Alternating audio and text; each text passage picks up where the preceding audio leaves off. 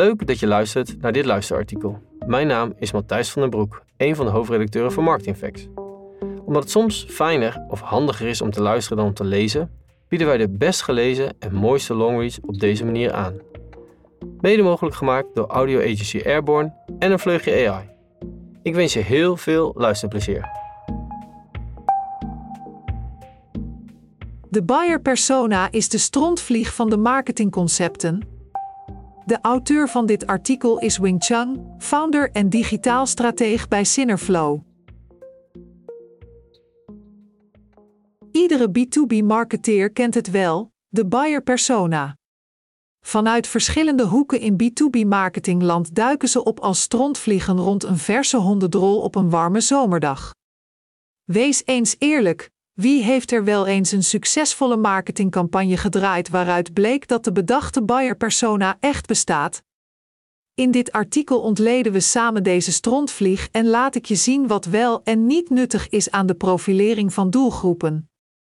Je hebt als B2B-marketeer vast wel eens van iemand gehoord hoe belangrijk een buyer persona is of ergens gelezen dat de buyer persona de levenslijn van B2B-marketingactiviteiten is. Tenzij de buyer persona een exacte kopie is van een bestaand persoon, is de kans dat hij klopt net zo groot als de kans dat Pasen en Pinksteren op één dag vallen. Ik sprak een aantal B2B marketing nestors en vroeg wat zij van buyer persona's vinden. Wat ze me vertelden kwam hierop neer.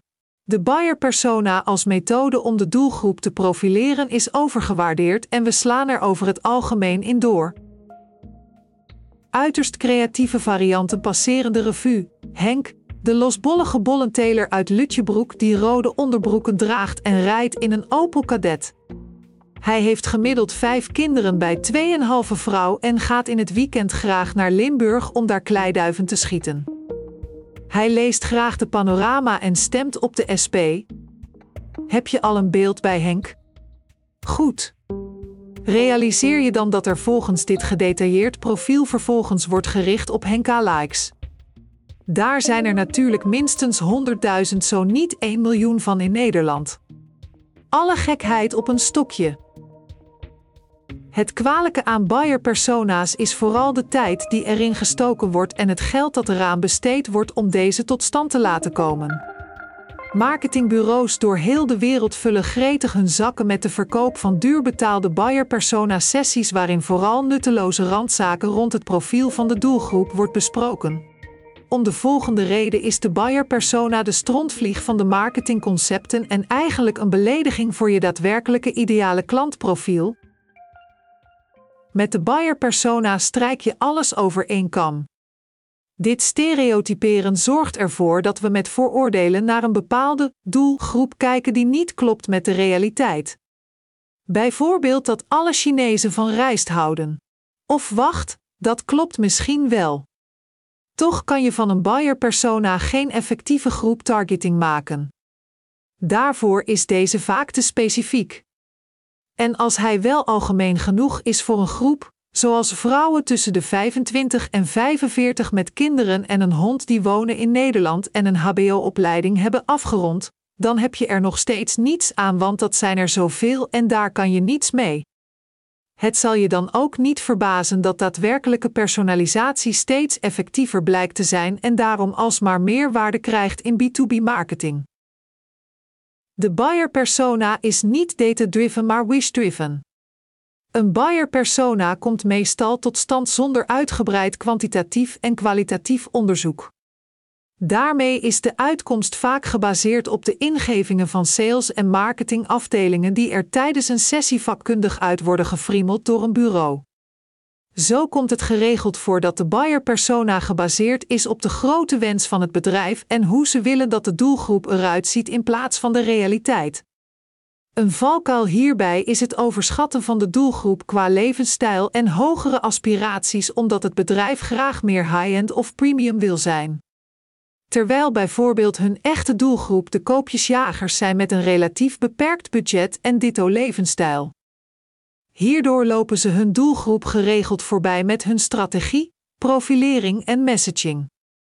Maar dat is moeilijk toe te geven en natuurlijk niet sexy, tenzij je Lidl, Aldi of Kruidvat, met steeds verrassend, altijd voordelig bent. Hoorde je net ook het liedje in je hoofd? De buyer persona is niet channel-based. Tijdens de creatie van de buyer persona ervaren we vaak diepzinnige gedachten over oppervlakkige details. Het besluit of de persona een man of vrouw is, een kat of een hond heeft of welke foto en koosnaam we moeten geven aan dit nieuwe bedrijfsicoon. In de praktijk zie je vaak dat de details die de persona echt onderscheidend maken niet eens kunnen worden toegepast in de daadwerkelijke targeting. We bewegen ook met B2B steeds meer richting online marketing, en daarbij moet eigenlijk een vraag voorafgaan aan de profilering, en dat is: welk detailniveau in targetingopties geeft het kanaal jou waar je de doelgroep op wilt bereiken? Pas wanneer je een goed antwoord hebt op de mogelijk en onmogelijkheden van de targeting in de kanalen kun je komen tot een effectieve strategie en uitvoering. Tot die tijd is de kans groot dat de buyer persona veilig in het bureaulaadje blijft liggen. Misschien vraag je je wel af: wat als Pasen en Pinksteren op één dag vallen en hierdoor iedere bolleteler wel opeens Henk heet, een rode onderbroek draagt, in een Opel Kadett rijdt en vijf kinderen heeft bij tweeënhalve vrouw? Zelfs dan is de ene Henk de andere niet. Om deze reden is ICP, Ideal Customer Profile, veel belangrijker. Uiteindelijk wil je in B2B ideale bedrijven aantrekken met kenmerken die het beste bij jouw bedrijf passen. Of daar nu Henk of Loes werkt, is om het even.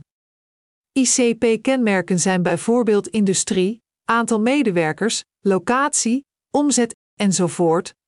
Volgens een onderzoek van Forrester zijn er in 2021 bij 63% van de B2B-aankopen gemiddeld meer dan vier personen betrokken geweest. Het is daarom verstandig om de DMU, de Decision Making Unit, van jouw ideaal customer profile goed in kaart te brengen. Wanneer je de DMU in kaart brengt, leer je ook te begrijpen hoe het beslissingsproces van je prospect of ideale klant in elkaar zit. Focus tijdens het in kaart brengen van de DMU niet alleen op de beslissers, maar ook op de beïnvloeders. Deze verzamelen namelijk vaak de informatie voor de beslissers. Wanneer je bij de beïnvloeders niet vanaf het begin zichtbaar bent, loop je het risico dat je later niet wordt meegenomen bij de selectie als potentiële aanbieder. Ook de blokkers moeten we niet vergeten mee te nemen wanneer we een DMU in kaart brengen. Deze kunnen namelijk roet in het eten gooien. Probeer te begrijpen waarom en hoe de blokkers aankoopproces kunnen belemmeren en hoe je dit kan voorkomen of oplossen.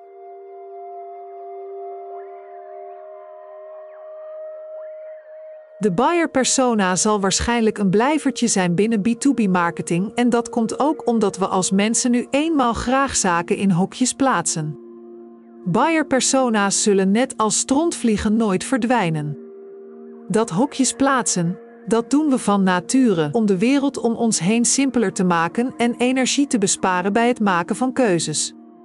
Laten we er daarom niet tegen vechten, maar teruggaan naar de basis en focussen op de relevante zaken. Dat kunnen we doen door eerst te identificeren wie er allemaal binnen de DMU zit en wat hun rol is binnen het aankoopproces. Laten we begrijpen en beschrijven wat hun behoeften en motivaties zijn voor een bepaalde aankoop of oplossing. Wat ze belangrijk vinden of waar ze bang voor zijn bij het nemen van de uiteindelijke beslissing. Volgens een onderzoek van Gartner gaf 77% van de B2B-kopers aan dat het aankoopproces complex of ingewikkeld was.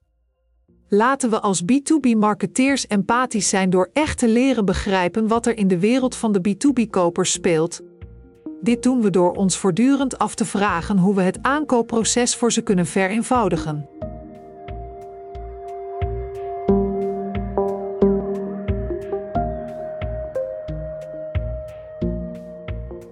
Dit luisterartikel wordt je aangeboden door MarketingFacts in samenwerking met audio agency Airborne en met een beetje hulp van AI. Dat heb je misschien wel kunnen horen. Vergeet niet om ons te volgen in je favoriete podcast-app. Dan weet je zeker dat je geen enkele aflevering mist.